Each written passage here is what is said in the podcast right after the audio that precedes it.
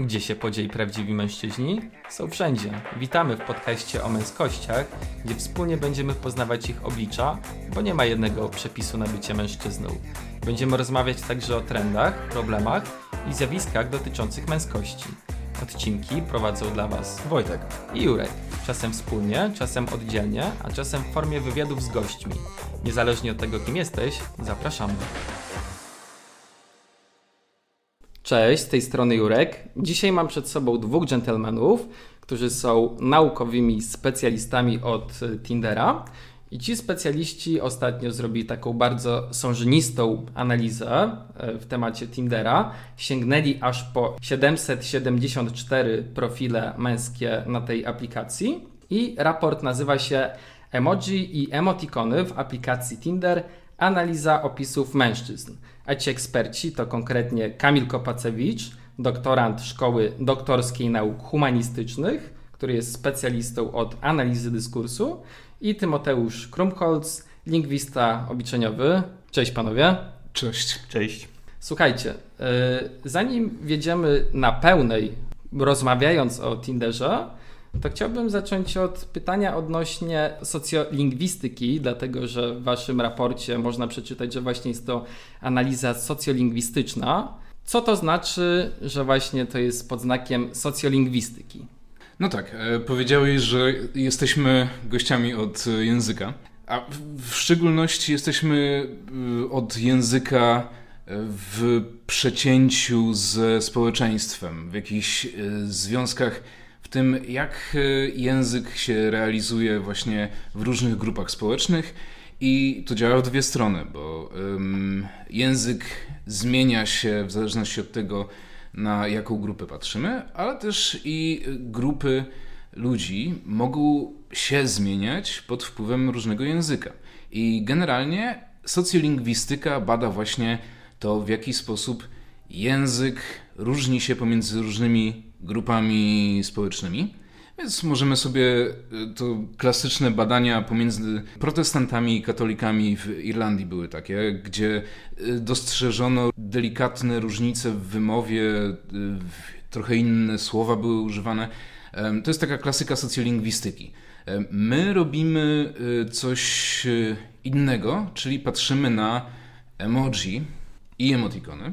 Natomiast jeśli chodzi o socjolingwistykę, to właśnie interesowało nas to, jak te emoji w kontekście randkowym wyglądają, do czego są używane i ym, no właśnie. Tak, no mogę powiedzieć, że ta socjolingwistyka jest tutaj takim jednym z głównych tematów yy, ramowań badawczych, do którymi tutaj podchodzimy, ale nie jedynym i podchodzimy do tego troszeczkę dobrowolnie. Socjolingwistyka lubi język mówiony, bo on najszybciej się transformuje. My się zajmujemy raczej językiem pisanym, a w ogóle czymś na pograniczu języka pisanego, no ale w jakiś sposób tutaj powraca, tak, to przecięcie. Socjolingwistyka też jest przydatna do tego, żeby właśnie robić jakieś modele tego, jak język się zmienia, jak język się kształtuje w jakiejś społeczności i my tutaj mówimy trochę o jakiejś społeczności mhm. i społeczności użytkowników aplikacji randkowej, w tym przypadku Tindera. Yy, I dlatego też zdecydowaliśmy się na takie, a nie inne podejście. Tak, nawet zaryzykowaliśmy użycie określenia socjolekt Tindera, który jest dość ryzykowne.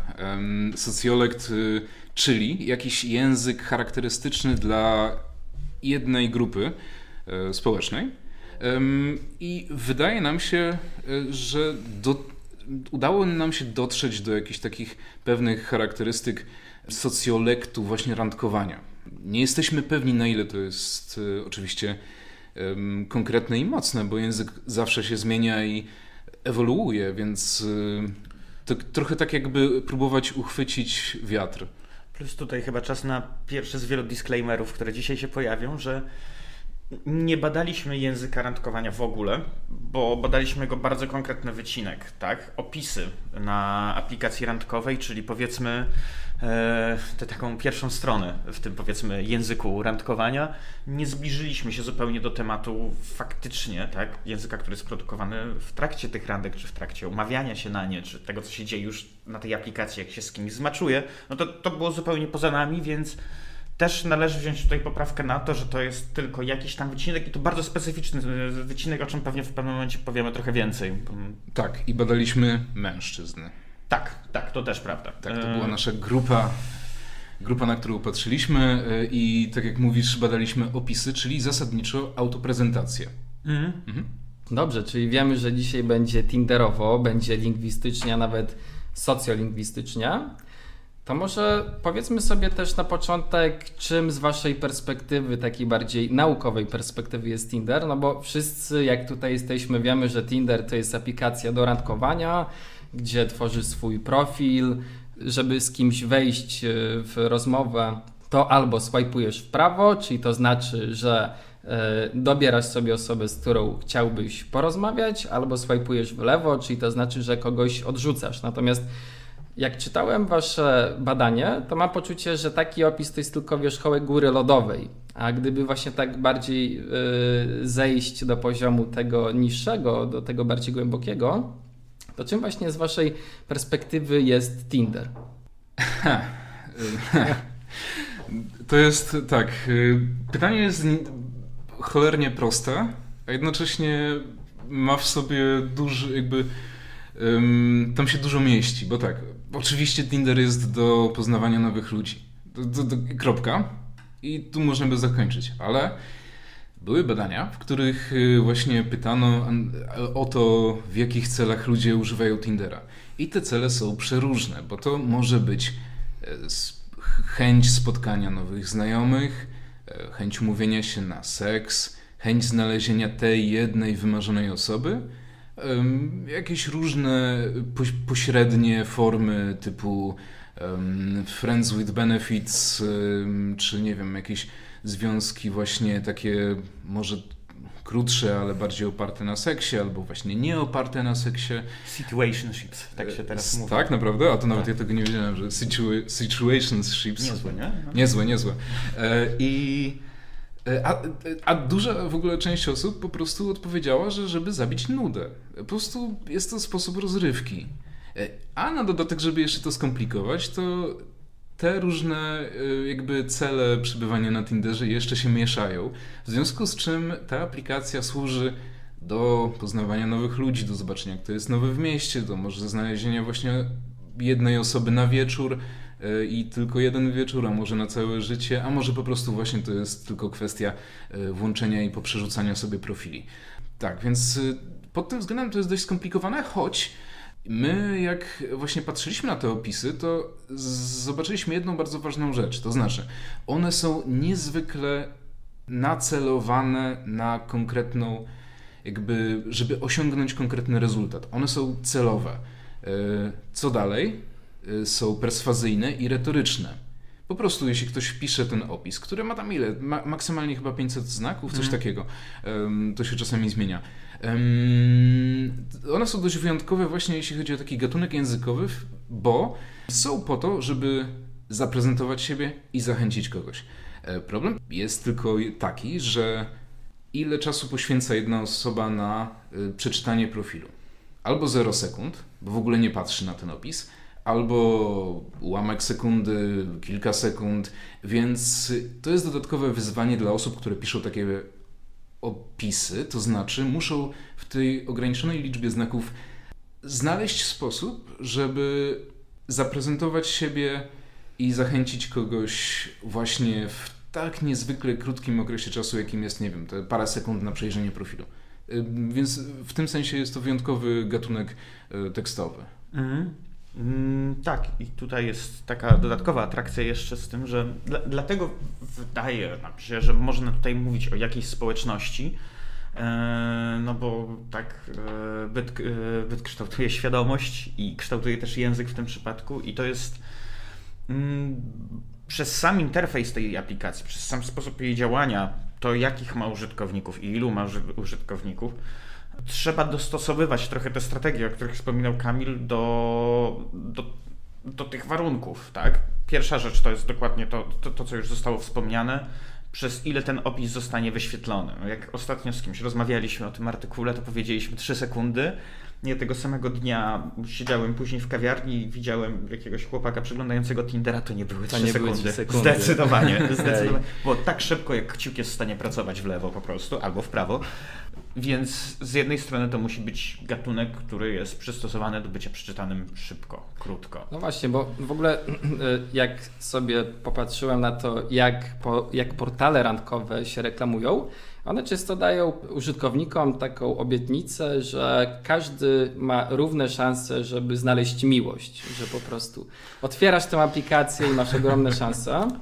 Natomiast wiemy, że Tinder, podobnie jak inne media tego typu, mają swój algorytm. Mhm. Czy my wiemy w taki przybliżony sposób, jak to z tym algorytmem jest? Czy on premiuje bardziej atrakcyjne profile, czy na przykład, czy to po prostu nie jest trochę tak jak w kapitalizmie, no, że ci, którzy wiadomo, mają więcej tych swipe'ów, mają lepiej zbudowany profil, czy to jest tak, że oni mają większe szanse na znalezienie tej miłości, czy mówimy tutaj o jakiejś takiej e, idealnej równości, jeśli chodzi o te szanse?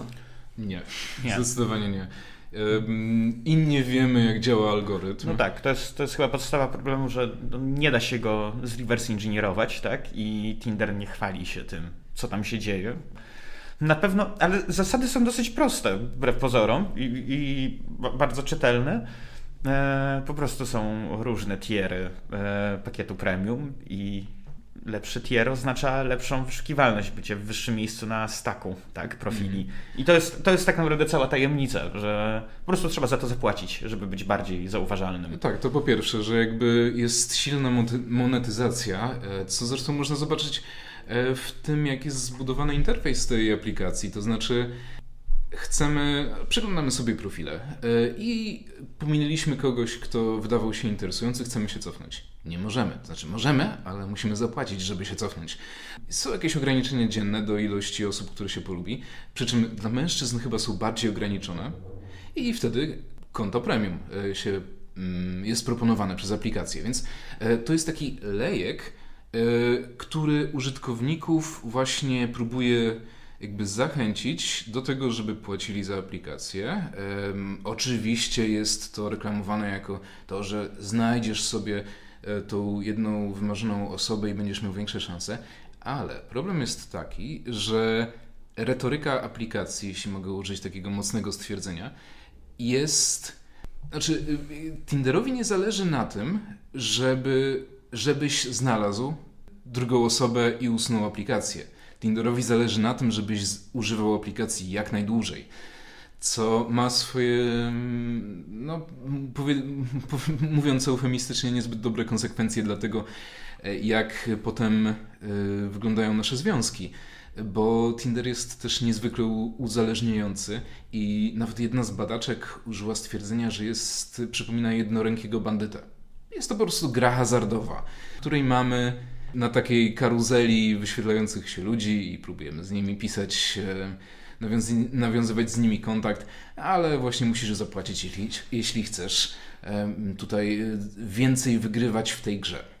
No właśnie, no bo dużo osób, z którymi rozmawiałem na, na, temat Tindera, narzeka na to, że po pewnym czasie właściwie te profile osób, yy, czy to no po prostu tych partnerów, potencjalnych partnerek, że, że ta baza cały czas jest ta, taka sama, że tak jakby nawet jeśli mieszkają w dużych miastach, to często te osoby się powtarzają. Czy to znaczy, że właśnie, żeby poszerzyć tę bazę, którą można swajpować w lewo albo w prawo, to trzeba zapłacić? Być może. Tutaj, no właśnie, to nie jest coś, co możemy przejrzeć w jakikolwiek łatwy sposób, jak to dokładnie działa można tak, znaczy myślę, że prędzej jest problem, z którym mogą się mierzyć tak, osoby podające się jako mężczyźni i szukające kobiet, yy, bo dysproporcja płciowa jest gigantyczna. Myślę, że raczej, raczej kobiety na Tinderze tutaj mogą mieć z tym mniej do czynienia. Nie wiem, tak zakładam, to, yy, bo mężczyzn jest po prostu dużo, dużo więcej. Yy, na Tinderze myślę, że na większości aplikacji randkowych tak naprawdę. Więc to może być z jednej strony to.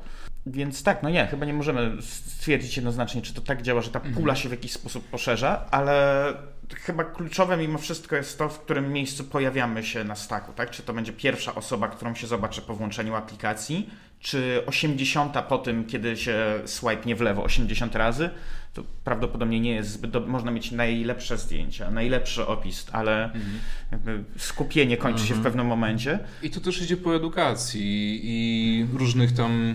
Mm, tam są oczywiście różne kryteria, charakterystyki, którym można podać, e, można podpiąć konto Spotify czy Instagrama i to też może wpłynąć na to, kto nam się wyświetla, ale to jest też chyba system, który sam się uczy i sam modyfikuje algorytmy, chociaż ciężko stwierdzić, to jest czarna skrzynka. E, my się tym akurat nie zajmujemy, e, no bo tak, no my się zajmujemy językiem, ale widzimy pewne rzeczy. Ja sam nawet jak korzystałem z Tindera, to widziałem, że na przykład na pierwszym miejscu zawsze się wyświetla taka osoba niezpiękna, piękna, bardzo właśnie mm, no, taka idealna osoba. Yy, zawsze, po prostu zawsze wyświetla się taka osoba jak z folderu reklamowego, a potem dopiero idą te takie mniej, jakby mniej błyszczące osoby, mm, że tak powiem. Plus zauważyłem, że druga osoba właśnie na tym staku, jak mówisz Tymek, czyli na, tym, na tej karuzeli, yy, druga osoba jest zawsze osobą, która mnie swipenęła. Yy, okay. no widzę tam czasami takie właśnie jakieś y, wzory. E, no. Czyli to trochę tak jak rynek reklamowy, że jeżeli algorytm twierdzi, że dana reklama najlepiej performuje, no to po prostu przede wszystkim ludziom są wyświetlane te reklamy, które mm. mają najlepszą klikalność. Oj, w takim tak. razie to tłumaczy tę teorię, że trochę można powiedzieć, że Tinder też jest takim rynkiem reklamowym, gdzie po prostu tymi mm pojedynczymi reklamami są użytkownicy. Absolutnie tak. Ty Kamil powiedziałeś, że ludzie wchodzą na Tindera często, żeby się lepiej poczuć, żeby doznać tych pozytywnych emocji. Natomiast czy Tinder ma też y, drugie oblicze? Czy też y, on powoduje te emocje bardziej negatywne? Mhm, oj tak.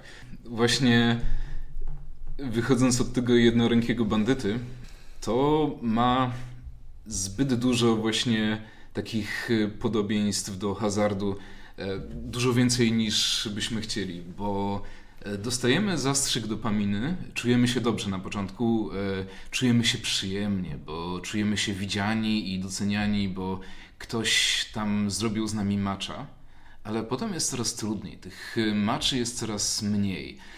I jest parę badań z zakresu psychologii, w których zauważono, że nie u wszystkich, ale u ludzi z pewnymi typami osobowości e, Tinder wzmacnia stany depresyjne, stany lękowe i, i, i po prostu na dłuższą metę działa bardzo negatywnie na samopoczucie ludzi korzystanie z tego. No bo na początku dostajemy po prostu dużo, dużo przyjemnych emocji, zalewa nas taka fala um, tych światła reflektorów, po czym tego jest coraz mniej. I to się właśnie wiąże z tym, że jeśli chcemy, żeby jednak ten światło reflektoru wróciło na nas, to musimy zapłacić.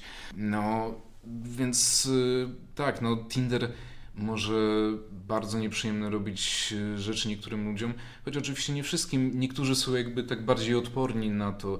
Y, powiedzą sobie, dobra, po prostu nie interesuje mnie to, odłożą aplikację, powiedzą cokolwiek. Ale przy niektórych osobach mogą wpaść właśnie w taki ciąg ciągłego używania, ciągłego przewijania tych ludzi, no i chęci, chęci porozmawiania z kimś. Plus zawsze trzeba pamiętać, że jest to mimo wszystko coś na kształt medium społecznościowego, czy mm -hmm. miejsce, gdzie można rozmawiać z ludźmi na poły anonimowo, tak? Szczególnie, że teraz już weryfikacja profilem facebookowym nie jest wymagana i można zarejestrować się na numer telefonu, co zwiększa potencjalnie jakoś poziom anonimowości.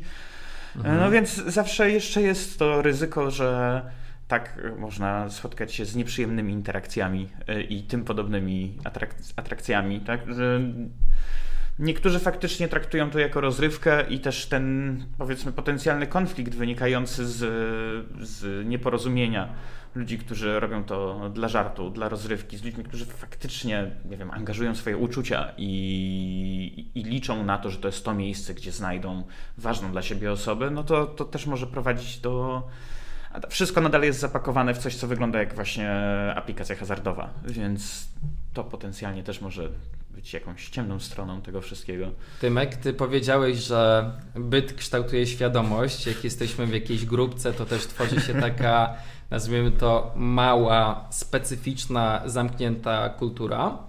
Więc jak sobie myślimy o Tinderze, to czy można powiedzieć, że Tinder ma swój taki specyficzny język, że ma taki język, który jest używany tylko na Tinderze, że ma właśnie taką swoją kulturę? To jest dosyć dalekosiężne stwierdzenie, które my stawiamy w naszym artykule, bo uważamy, że tak, że można uznać, że istnieje coś takiego jak język charakterystyczny dla społeczności użytkowników i użytkowniczek, w naszym przypadku użytkowników Tindera, nie zrobiliśmy takiego twardego porównania między tak, korpusem języka polskiego ogólnym, a, a naszym korpusem, czy tam korpusikiem, e, ani między korpusem komunikacji pośredniczonej przez media cyfrowe, a tym korpusem Tinderowym. E, ale pewne wzorce powtarzają się tam na tyle często, że mamy wrażenie, że to może być jakiś charakterystyczny, jakiś język charakterystyczny dla tego miejsca. Tutaj z jednej strony jest właśnie ten czynnik, o którym wspominaliśmy, tego jaka jest ta aplikacja i jak trzeba przystosować ten język do tej funkcji, którą powiem. O funkcji to myślę, że zaraz jeszcze, po, po co to się dzieje wszystko tak naprawdę. Więc tak, to jest z jednej strony do tego się trzeba przystosować. E, z drugiej są pewne różnice pomiędzy Tinderem a innymi aplikacjami randkowymi. To nie wchodzi w zakres naszego badania, to jest coś, co robiliśmy trochę wcześniej, patrzyliśmy na ten temat i widać było, że między sobą te aplikacje potrafią się różnić. Mhm. Mhm. Tak, e, widzieliśmy na przykład e, różnice dość znaczące, bo semantyczne, zaraz wyjaśnię dokładniej co mam na myśli, e, pomiędzy Grindrem, e, czyli aplikacją właśnie dla mężczyzn szukających mężczyzn e, in general, bo to oczywiście jest głównie dla tej populacji. I znaczenia pewnych emoji mogą się różnić pomiędzy tymi aplikacjami, czy może pewne strategie komunikacyjne i dosłowność, eksplicytność, czyli jakby otwartość mówienia o seksie. No tak, po prostu tak. E, więc no, są te różnice i, i, i, widać, że w tych przestrzeniach, jakimi są te aplikacje, tak jakby to tak jakbyśmy trochę przechodzili do różnych e, pokoi w, w mieszkaniu i w każdym z tych pokoi trochę inaczej się mówiło. Mhm. E, no właśnie, bo jeśli chodzi o przykłady takich fraz, e, z którymi się spotkałem, no to na przykład jest ONS, czyli One Night Stand, szukam kogoś na jedną noc, albo FWB, czyli Friends with Benefits, e, po prostu regularny seks bez związków. Czy wy macie może w głowach inne przykłady takiego języka bardzo charakterystycznego dla Tindera? No tak, jeszcze z tych trzy, e, trzyliterowych e, to LTR, czyli Long Term Relationship, e, ktoś chcąc na długo się związać i po, pojawiają się oczywiście takie kuriozalne złożenia FWB, LTR, emoji zakazu. Na przykład ktoś nie chce, albo odwrotnie, że ONS zakaz, albo ONS emoji ogień różne konfiguracje tego, więc trzeba dość nieźle, niezłe kompetencje zdobyć, żeby e, zacząć to rozczytywać. Natomiast co, co widzieliśmy jeszcze takiego? bo tak, e, nasze badanie dotyczyło emoji, my jeszcze trochę patrzyliśmy na inne aspekty języka, ale w tych emoji sporo rzeczy się kryło. Poza czymś dużo nudniejszym niż ONSFWB to strzałki dotyczące wzrostu są takim charakterystycznym elementem. A, i to w ogóle jest E, myśmy porównywali w ogóle mężczyzn, znaczy inaczej. Myśmy porównywali mężczyzn szukających kobiet z mężczyznami szukającymi mężczyzn, tak jak zdeklarowali to w aplikacji. Przy czym jeśli były osoby na przykład biseksualne, czy osoby trans, albo osoby e, niebinarne, my nie uchwyciliśmy tego w naszych badaniach. Nie mieliśmy po prostu jak. E, I wracając do tych strzałek. To była w zasadzie jedyna różnica pomiędzy mężczyznami heteronormatywnymi a nieheteronormatywnymi, jak, jaką w ogóle zauważyliśmy.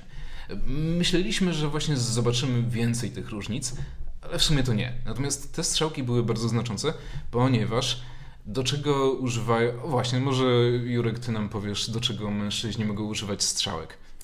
E, zakładam, że może mieć to kilka znaczeń. E, jedno no to ten wzrost, e, tak jest, chyba, tak? chyba dosyć proste, ale wyobrażam sobie, że też może to mówić o pewnej części naszego ciała, które jest między nogami.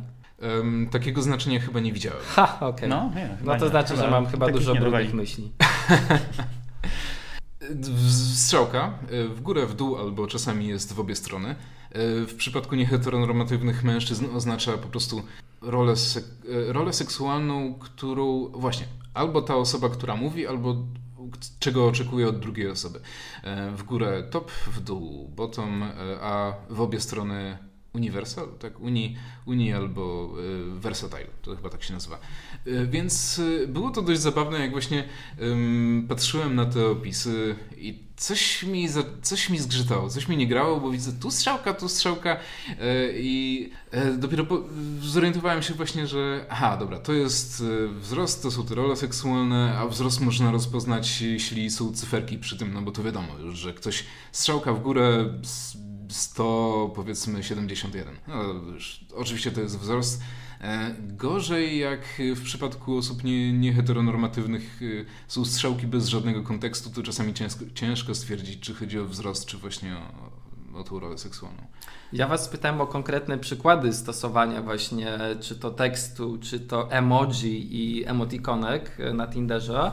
Natomiast może jeszcze spróbujmy sobie odpowiedzieć na to pytanie tak bardziej z lotu ptaka jakie ogólnie funkcje mają te emo emoji i emotikony na tej aplikacji?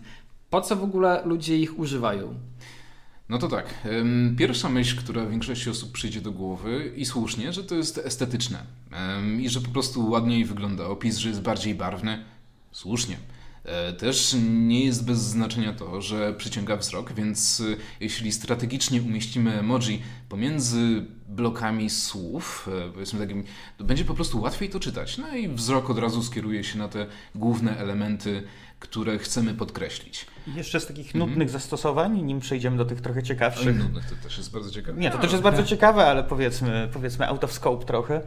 No mm. to używają ich po prostu, tak? Bo tutaj zaraz, przejdziemy do tych rzeczy, którym się przyglądaliśmy trochę dokładniej, jakąś strategią czy, czy konkretnym zachowaniem, z którymi są powiązane te emoji, ale czasem te emoji po prostu są, bo ktoś używa takiego stylu komunikacji, bo go zauważył gdzieś, nauczył się, tak? I... Mhm, no to jest trochę taka mimikra, że właśnie e, Ludzie, ludzie mają różne strategie, ale też te strategie czasami wpadają w takie wzory, więc y, jeśli widzimy ileś tam profili, to zaczynamy też naśladować to i powtarzać pewne sposoby komunikacji, więc jeśli ktoś zobaczy, że wszyscy mają emoji, no to pewnie Pewnie też spróbuję zastosować. A, nie powiedzieliśmy tylko czym jest emoji, a czym emoticon. E, oczywiście emoji to są te obrazkowe, kolorowe znaczki, a emotikony są złożone z liter i znaków e, specjalnych. Tak, uśmieszek e, albo nie wiem, XD, XP i tak dalej. Czy jak popatrzymy sobie na Twittera y, pani poseł Pawłowicz, to ona buduje swoje historie w oparciu o emoji, tak? A nie emotikony. Czy ona stosuje obie te formy? Analizowałeś Tomek? Y, nie pomnę, nie pomnę, ale stawiałbym raczej na emoji, bo emotikony są trochę odchodzącym gatunkiem, tak? No w Polsce mamy mamy swój własny krąg kulturowy używania XD i to XD nadal żyje i jest, jest szeroko używaną emotikoną, no ale mówmy się, w 2023, tak, mhm. oczka z noskiem i uśmieszkiem i tak dalej, no to już jest, to już to jest, trochę boomerzy, odchodzący boomerzy. gatunek. Tak. A no boomerzy, powiedział, że może emotikony takie bardziej millennials, ale Gen, y, Gen X, myślę tak, jeśli mamy już mhm. klasyfikować e, kto najbardziej lubi emotikony. no tak, ale mówiliśmy do czego służą. No Właśnie te funkcje, tak? Funkcje. E, Podzielmy sobie najpierw to, jak to wygląda od strony lingwistycznej, czyli semantyka i pragmatyka. Pragmatyka. Semantyka oznacza to, że te emoji niosą pewne znaczenia, więc służą do po prostu komunikowania bardzo konkretnego właśnie jakichś znaczeń i tutaj koniecznie trzeba przywołać emoji brylant. Jurek, powiedz mi, co uważasz, że znaczy emoji brylant? Emoji brylant? Albo no, diamant, da, da, no tak, diamant. Wow, wydaje mi się, że to też może mieć yy, różne znaczenia. No to jest jakiś, nie wiem, taki rzadki metal, drogocenny, więc albo nie wiem, to może świadczyć o mojej wartości, jak ja siebie samego określam, albo może na przykład to dotyczy chemseksu. A, no to zdekodowałeś to. Tak, ale to może powiedzmy na początek, czym jest ten chemseks. Mhm. No tak. Um, Ludzie czasami chcą po prostu seks na narkotykach. E, dlaczego kryształ? No bo te narkotyki to często na przykład mefedron, który no, chyba najczęściej ma właśnie postać kryształu. E, dlatego, no właśnie, jak ja patrzyłem na to, że ludzie używają tego diamentu, kryształu, to ja myślałem na początku, że chodzi o jakiś glam, może luksus, e, a potem zostałem oświecony, że no właśnie. nie, nie, nie. E, to chodzi o coś innego i to widać bardzo, chociaż nie zawsze, czasami nie, nie do końca wiadomo. Czasami mamy wrażenie, że jednak chodziło o ten luksus, ale czasami bardzo wyraźnie widać, że chodzi o wieczorek z mefedronem albo czymś podobnym. I tutaj warto chyba dodać w temacie tego, tej semantycznej funkcji emoji, że podajemy w artykule różne przykłady tego, co one zazwyczaj znaczą, ale ciekawymi momentami w tym wszystkim było to, kiedy ewidentnie tak, użytkownicy dodający takie, a nie inne emoji w swoim opisie, które my już nauczyliśmy się, jakoś scharakteryzowaliśmy, że one powinny znaczyć coś, oni używali ich niezgodnie z tym znaczeniem, jakoś zupełnie inaczej, albo tak, że nawet nie byliśmy w stanie do końca odgadnąć, co artysta miał na myśli. Czyli to w temacie tej mimikry, tak? Że mm-hmm. próbuje być taki jak inny, nie do końca zdając sobie sprawę z głębi tego języka. Albo po prostu jest ładne, tak? Jakby emoji z diamencikiem jest, jest fajne, dobrze je można wrzucić w tekst i, i może być, tak? Niezły separator tekstowy i tak dalej. Mm.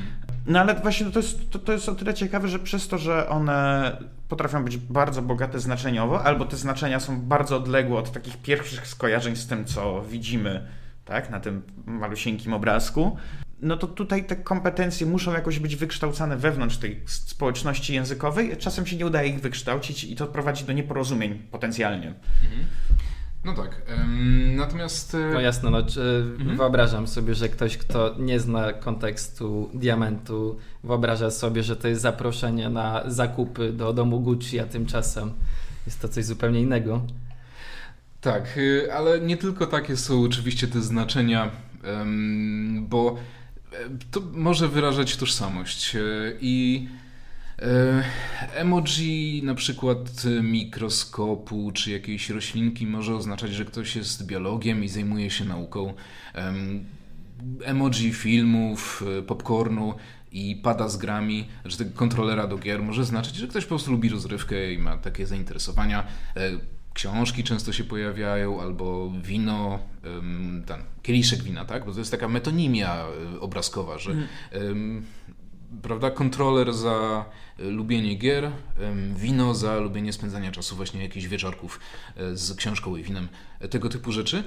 Flagi żeśmy widzieli, co ktoś może na przykład się chwalić, że zna dużo języków, albo że był w wielu krajach. No, to jest takie dość oczywiste. Ale czasami pojawiała się na przykład flaga Unii Europejskiej. No, no i co z tym mhm. zrobić, nie? Mhm. E, co, co to znaczy jakby? Mhm. A jak pojawia się flaga Polski, to rozumiem, że ona podkreśla patriotyzm na przykład tej osoby. No albo, że ktoś mówi po polsku i to właśnie nie, nie do końca wiadomo. Tak, bo tutaj warto zaznaczyć, że nie mieliśmy informacji na temat tego, jak nazywa się, e, jak nazywa się ta osoba, której profil właśnie, której opis czytamy, e, czy skąd jest.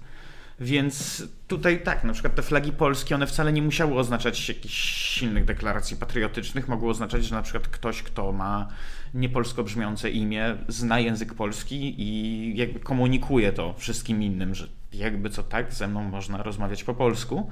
No ale flaga europejska, prawdopodobnie to mogła być jakaś kwestia tożsamościowa, ale, ale ciężko się domyślić. I to jest właśnie, to jest właśnie cała przygoda z, tymi, z tą semantyką wbudowaną w te emoji, tak? Mm. No, oczywiście flagi LGBT y, często, znaczy często pojawiały się po pojawiały prostu, się, tak.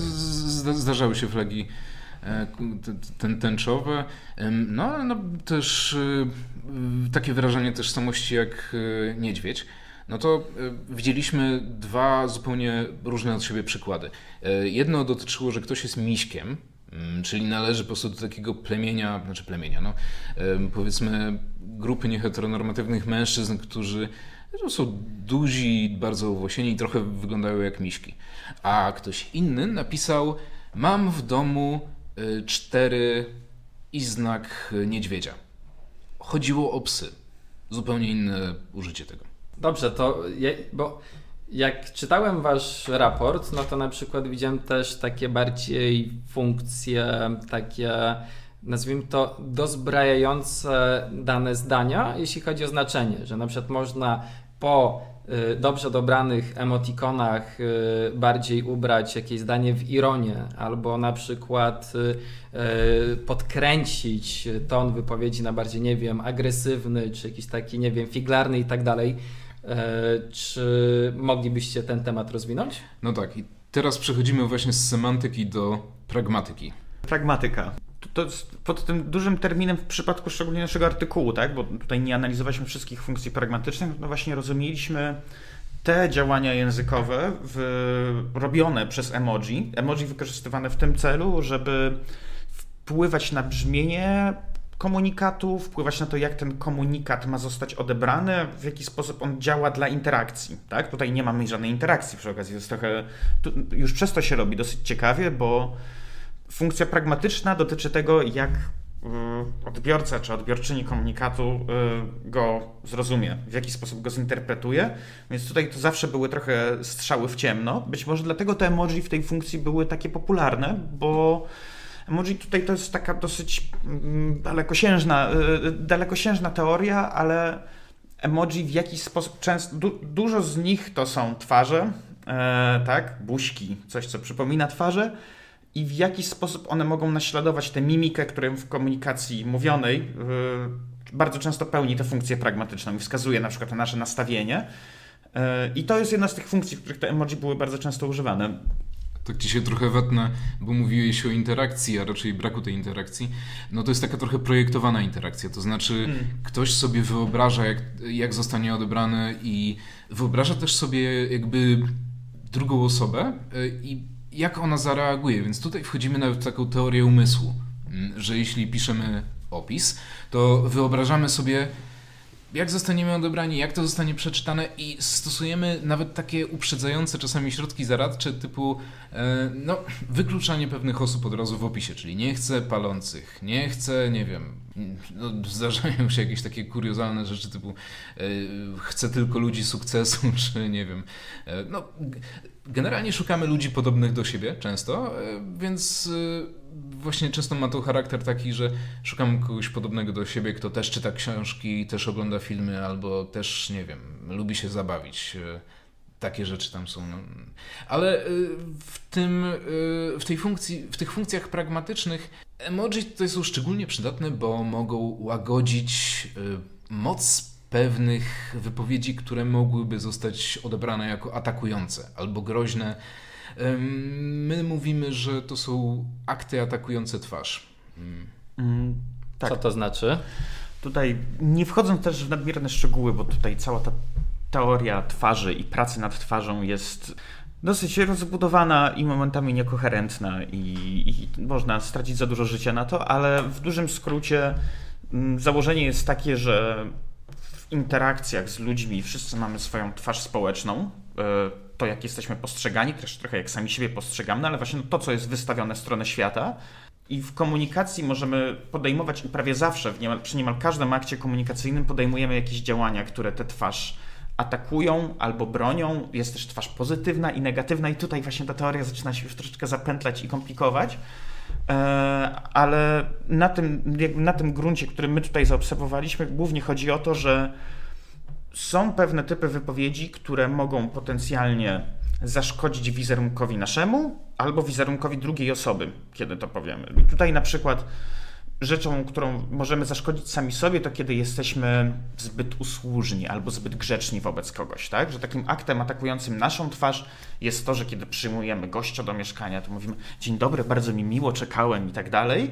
I to jest coś, czym możemy zaatakować własną twarz, a z kolei cudzą twarz możemy zaatakować na przykład wydając komuś rozkaz, tak? I mówiąc usiądź tutaj.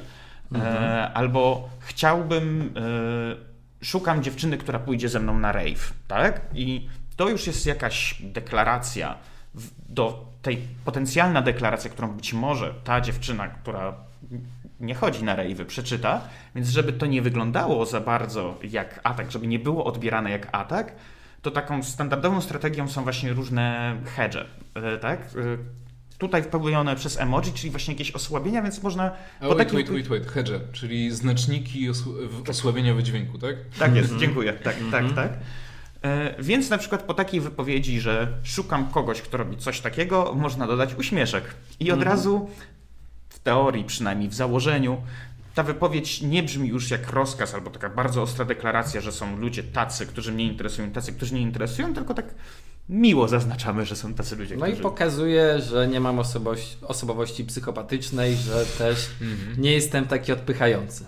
Tak, y, z czym oczywiście trzeba jakby się mierzyć, bo takie osoby też występują na Tinderze i były jakieś badania właśnie dotyczące osób, z, które trolują, czy nawet zaczynają stalkować dziewczyny, e, więc y, trzeba jakby użytkownicy Tindera muszą mieć w świadomości, że to nie jest do końca bezpieczna przestrzeń.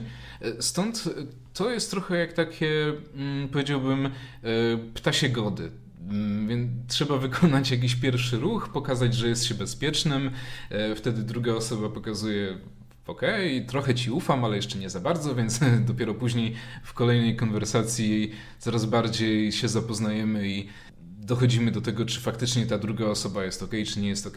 I emoji mogą w tym pomóc, to znaczy mogą właśnie tak mm, no, no, złagodzić ten wyraz, e, czy nie wiem, e, podkreślić, że to, co piszemy jest żartem albo ironią i nie chcemy kogoś zaatakować, albo właśnie wzmocnić ten przekaz, czyli um, porównajmy sobie bardzo lubię książki, kropka, kontra bardzo lubię książki, trzy serduszka no to już wiadomo, że to jest wzmocniony przekaz i jest taki emocjonalny, bardziej ludzki.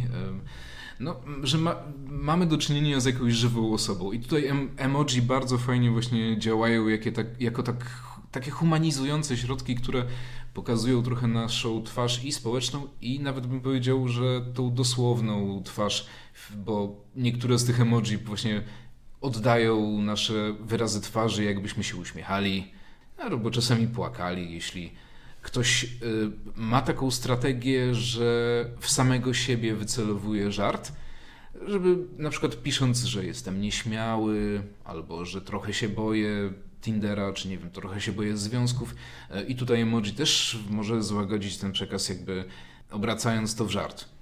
Mm. Tutaj chciałem dodać, że to jest chyba w ogóle atrakcyjna rzecz w emoji nie tylko w kontekście Tinderowym, tylko generalnie jeżeli chodzi o wykorzystanie emoji właśnie około pragmatyczne, że e, one są bardzo wygodne do stopniowania rzeczy, prawie wszystkiego, tak? Jakby język standardowy jest dosyć ograniczony pod tym względem. Tak, jest jakiś leksykon, którego możemy używać, żeby coś zabrzmiało bardziej w taki sposób, czy bardziej w inny. A tutaj te możliwości stopniowania są bardzo rozbudowane. Na tym przykładzie lubienia książek, tak? Możemy napisać lubię książki z kropką, możemy napisać lubię książki z e, uśmiechniętą buźką, możemy z dwoma buźkami, z serduszkami, możemy z czterema płomieniami, no. tak? Jakby ten to, jak bardzo możemy wzmocnić, jest tak naprawdę jest ograniczone do tych 500 znaków, bo jak naprawdę, naprawdę kochamy te książki, to teoretycznie możemy stawić tylko to zdanie i bardzo i, i pozostałe 400 znaków to będą serduszka, tak? I 400 diamentów. Cztery, albo 400 diamentów, tak. Ale tak. to też w ogóle mam poczucie, że to świadczy o takim pragmatyzmie użytkowników, no bo jeżeli masz tylko 500 znaków do wykorzystania, no to tak naprawdę możesz swoją opowieść o sobie bardzo mocno wydłużyć dzięki temu, że e, jak piszesz, zamiast e, zawrzeć słowo książki, dajesz emoji książki i tak dalej. Więc e, myślę, że faktycznie użytkownicy Tindera są bardzo sprytni i pragmatyczni pod tym kątem. Zdecydowanie. To jest też, wspominamy o funkcji dosyć pobieżnie, bo to jest, to jest też powiedzmy delikatnie kontrowersyjny temat, czyli taka funkcja gramatyczna tych emoji, czy historie układane z emoji. E, I to na pewno pod względem tej takiej właśnie pragmatyki, oszczędności papieru i czasu, a znowu mamy kontekst, tak, sekunda w najlepszym przypadku na przeczytanie tego opisu, e, może być bardzo przydatne, no bo nie wiem, jeżeli ktoś na przykład chce powiedzieć o sobie, że jest strażakiem, no to tak, całe zdanie jestem strażakiem, czy pracuję jako strażak, możemy zastąpić jednym emoji strażaka. Jest to bardzo wydajne. No to ja może zacznę już e, nowy wątek, bo e, tutaj dużo o tym rozmawialiśmy, bo Kilka razy w Waszych wypowiedziach padło słowo strategia, czyli to oznacza, że e, nasze opisy i dobór emoji na naszych profilach to nie jest tylko informacja o nas, a to jest taka strategia, która służy nam temu, żeby po prostu osiągnąć cel, żeby być jak, jak najbardziej atrakcyjnym z perspektywy naszych potencjalnych partnerów i partnerek. I ja wiem, że e, analiza kobiecych profili nie była waszym przedmiotem badawczym, ale czy jesteście w stanie odtworzyć takie główne różnice, jeśli chodzi o budowanie strategii Tinderowej wśród mężczyzn i wśród kobiet? Co różni tobie płcia? No tak, y, kobiet nie badaliśmy z bardzo prostego względu, to znaczy jakoś musieliśmy sobie ograniczyć materiał i po prostu zawężyliśmy sobie tutaj temat. Ja znam badania, w których y, odkryto, że mężczyźni w porównaniu do kobiet mają więcej strategii zaimkowych. O rany, co to znaczy? E, to znaczy, że e, kobieta chyba statystycznie częściej, e, chociaż nie cytujcie mnie e, w związku z tym, używa słów takich jak ja. Natomiast mężczyźni, znaczy słowa ja, zaimka ja. Natomiast mężczyźni częściej będą używać my, nasze, y, też ja, ale właśnie takie bardziej, bardziej zróżnicowane sposoby wypowiadania się, na przykład włączania tej wyobrażonej osoby. I też mężczyźni chyba bardziej skupiają się na tekście, a kobiety więcej poświęcają uwagi zdjęciom. I niewątpliwie te różnice są, chociaż e, chyba nam będzie ciężko powiedzieć o tym e, konkretniej, bo nie badaliśmy po prostu tego. Mhm. Tutaj też mm, disclaimer numer, numer dwa, bo używamy tego słowa strategia faktycznie, może nawet za często trochę, e, nie mówiąc też, co mamy na myśli, bo też przez strategię tak jak używam tego w artykule, czy pewnie tutaj nam się wyrwało parę razy, e, Mamy też na myśli strategie językowe, tak jakby wychodząc z tego założenia, w ogóle założenia, jeżeli chodzi do, o analizowanie języka, że większość wypowiedzi, które, które generujemy, ma jakiś cel. I to są właśnie te strategie, o których wspominamy, że coś robimy w jakimś celu i dlatego stosuje się odpowiednie strategie, żeby ten cel osiągnąć. Y, no i te cele potrafią być czasem bardzo mikro, tak jak żeby właśnie jedno zdanie w tym opisie mm, nie zabrzmiało zbyt agresywnie, zbyt bucowsko czy cokolwiek.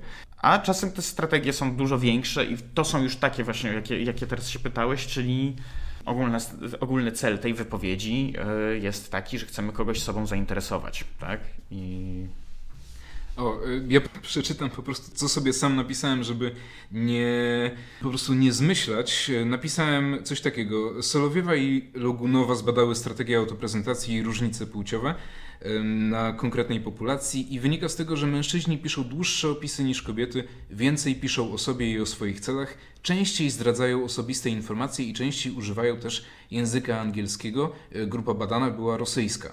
Kobiety częściej używają emoji, więcej używają emoji i częściej załączają hiperlinki do serwisu Instagram.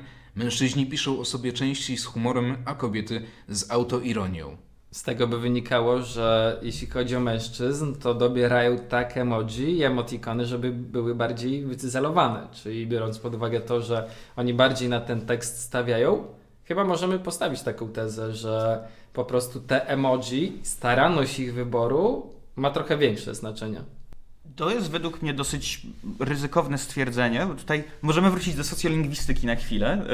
Yy, udało się, że w takich ogólnych prawidłach, które się pojawiają już od pierwszych badań socjolingwistycznych, to jest tak, taka mądrość, która jest powtarzana po parę razy, jest to, że zmiana w języku, nowości w języku i generalnie to taka siła napędowa przemian językowych to z reguły są młode kobiety, tak? Że to jest jakby ta grupa, która to napędza od zawsze, od jak, jak świat długi i szeroki, że z różnych przyczyn to tam pojawiają się nowinki językowe y, i później one są adaptowane szerzej w społeczeństwie, czy to, czy to wiekowo, czy to płciowo, czy jeżeli chodzi o stan społeczny i tak dalej. Y, więc tutaj tak musielibyśmy to ze sobą porównać i zobaczyć jeszcze najlepiej jakoś w perspektywie czasowej to porównać, bo być może te strategie, te znaczenia są wypracowywane wcześniej w tej grupie, której my zupełnie nie badaliśmy. I to, że tutaj nam się wydaje, że te strategie są bardzo, bardzo porządnie prowadzone, to być może jest tylko taki jakiś błąd obserwacyjny, tak?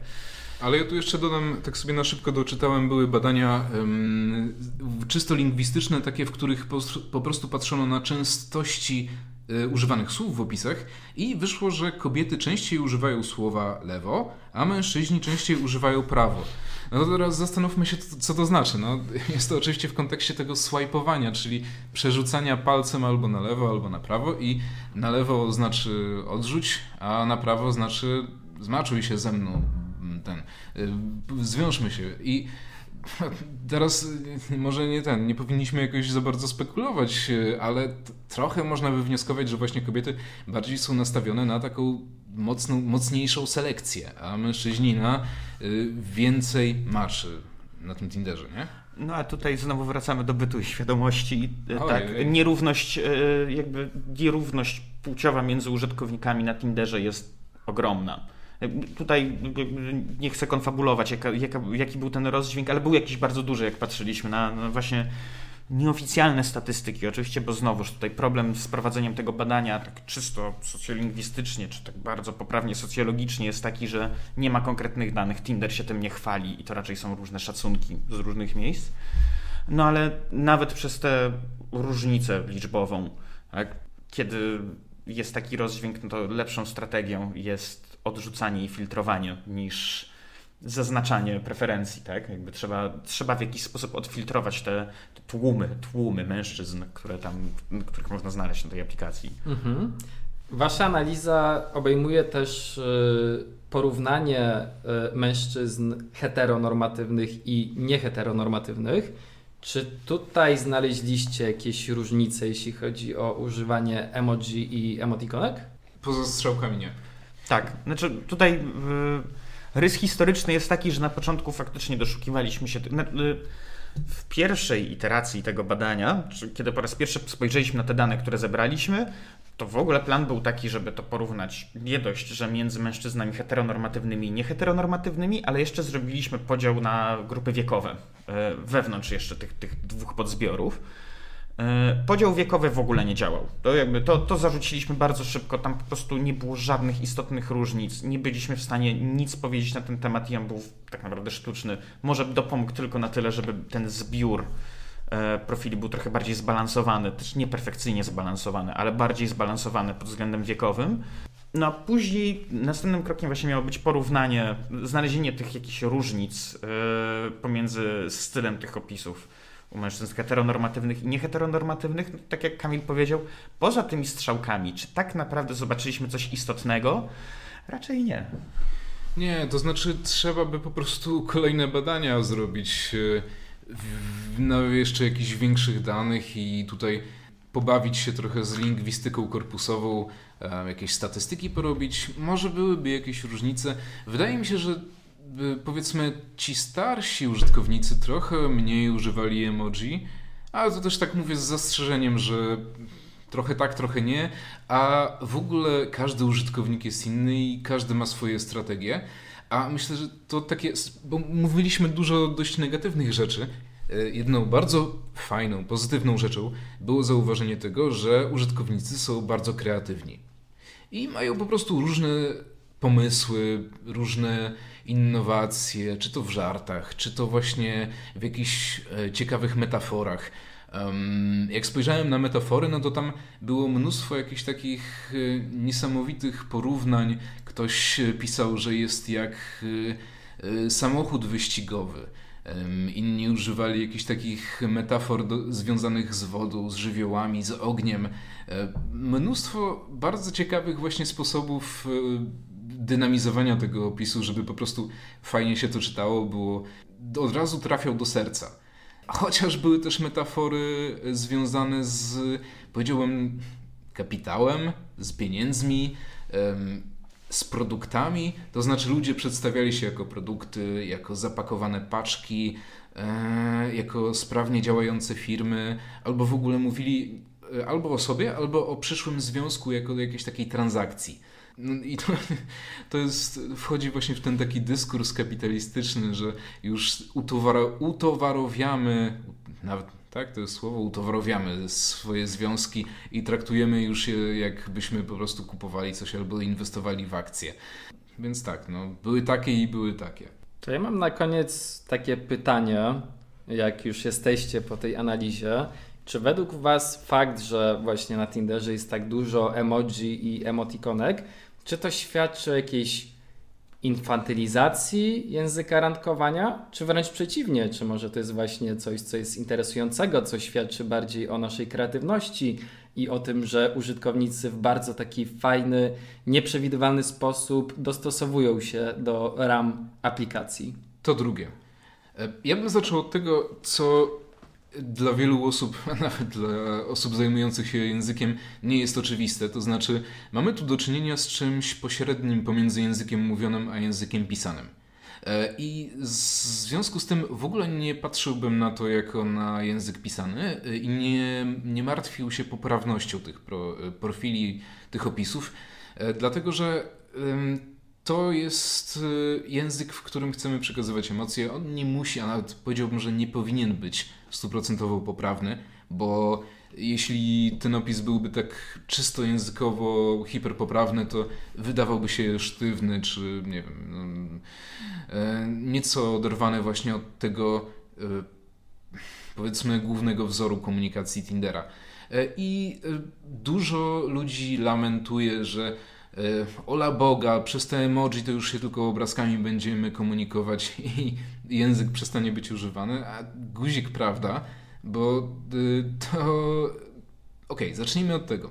E, jeśli chcemy użyć emoji, to musimy użyć klawiatury na telefonie albo znaleźć ją w internecie i wkleić. To wymaga wysiłku, w związku z czym nie będziemy się nigdy komunikowali tymi tysiącami emoji, bo po prostu to jest niepraktyczne. Wybieramy to, co nam podpowiada klawiatura telefonu najczęściej, albo nie wiem, tam rozwijamy sobie jakieś okienko z emoji.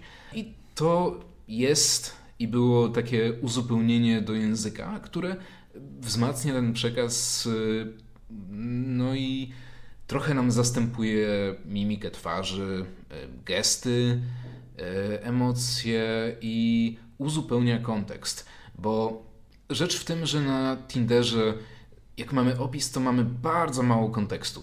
Nie wiemy nic o tej osobie, mamy tylko krótki, mm, krótki tekst, może zdjęcie, nic więcej nie wiemy, zero kontekstu. Takie emoji może nam dodać kontekst właśnie emocjonalny, jakie ktoś ma do nas nastawienie. W związku z tym, jeśli mam się bawić w jakieś predykcje i przewidywanie przyszłości, to no, język po prostu będzie tym, czym się stanie.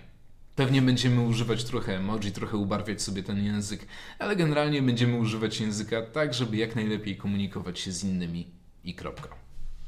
Mm, tak, tutaj jeżeli chodzi o głosy lamentujące, no, emoji stały się faktem w dużo wyższych rejestrach, tak? Bo tutaj jeszcze, no właśnie, y, jest wspominana chyba w artykule też kategoria rejestru, czyli powiedzmy tego, mm, w jakich okolicznościach, jak należy mówić, jak należy dostosować się, tak? Jakby inaczej rozmawiamy ze znajomymi przy piwie, inaczej na balu ambasadora. I w momencie, w którym emoji stają się coraz częstsze w dużo wyższych, czy powiedzmy poważniejszych rejestrach, takich jak w komunikacji korporacyjnej, e, to wydaje mi się, że jednak rejestr niezobowiązującego randkowania na aplikacji chyba nie jest zbyt wysoki. I tutaj te, obecność tych emoji nie powinna dziwić. Są wydajne, są ładne, potrafią być dowcipne, pełnią różne funkcje, tak? Jeżeli ktoś używa ich strategicznie, a nie tylko dla funkcji estetycznej, to, to potrafią robić rzeczy, więc, więc czemu nie? I to była puenta naszej rozmowy. Ja ze swojej strony mogę powiedzieć, że gdybym miał ją opisać jakimiś emoji, to dałbym dużo serduszek, dużo kciuków w górę, ale też utko kurczaka, dlatego że ta rozmowa była bardzo mięsista. Panowie, bardzo Wam dziękuję. Dziękuję też słuchaczom i do następnego. Dzięki. Dziękuję. Dzięki. Dziękujemy za odsłuchanie tego odcinka do końca. Jeżeli chcesz się z nami skontaktować albo zapoznać się z innymi materiałami o męskościach, odwiedź nas na naszych mediach społecznościowych albo napisz na nasz adres mailowy. Link do nich znajdziesz w opisie każdego odcinka.